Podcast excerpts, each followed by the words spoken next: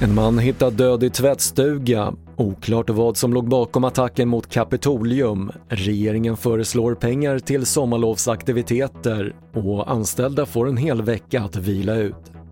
Ja, TV4-nyheterna börjar i Nacka utanför Stockholm där en man i 50-årsåldern hittades död i en tvättstuga sent igår kväll. Polisen säger att man inlett en brottsutredning för att fastställa dödsorsak och därigenom också kunna utreda om mannen blivit utsatt för ett brott.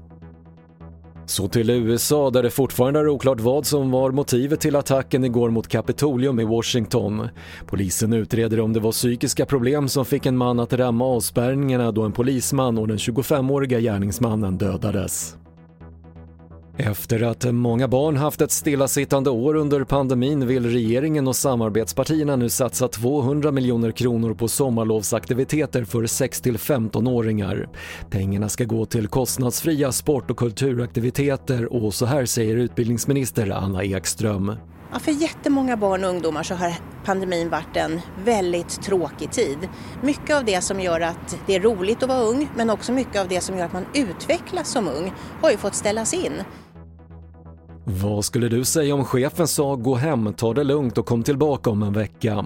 Det beskedet har de närmare 16 000 heltidsanställda på företaget LinkedIn fått. Punktinsatsen har fått namnet Rest Up, alltså vila ut på svenska och gäller i princip alla anställda samtidigt nästa vecka.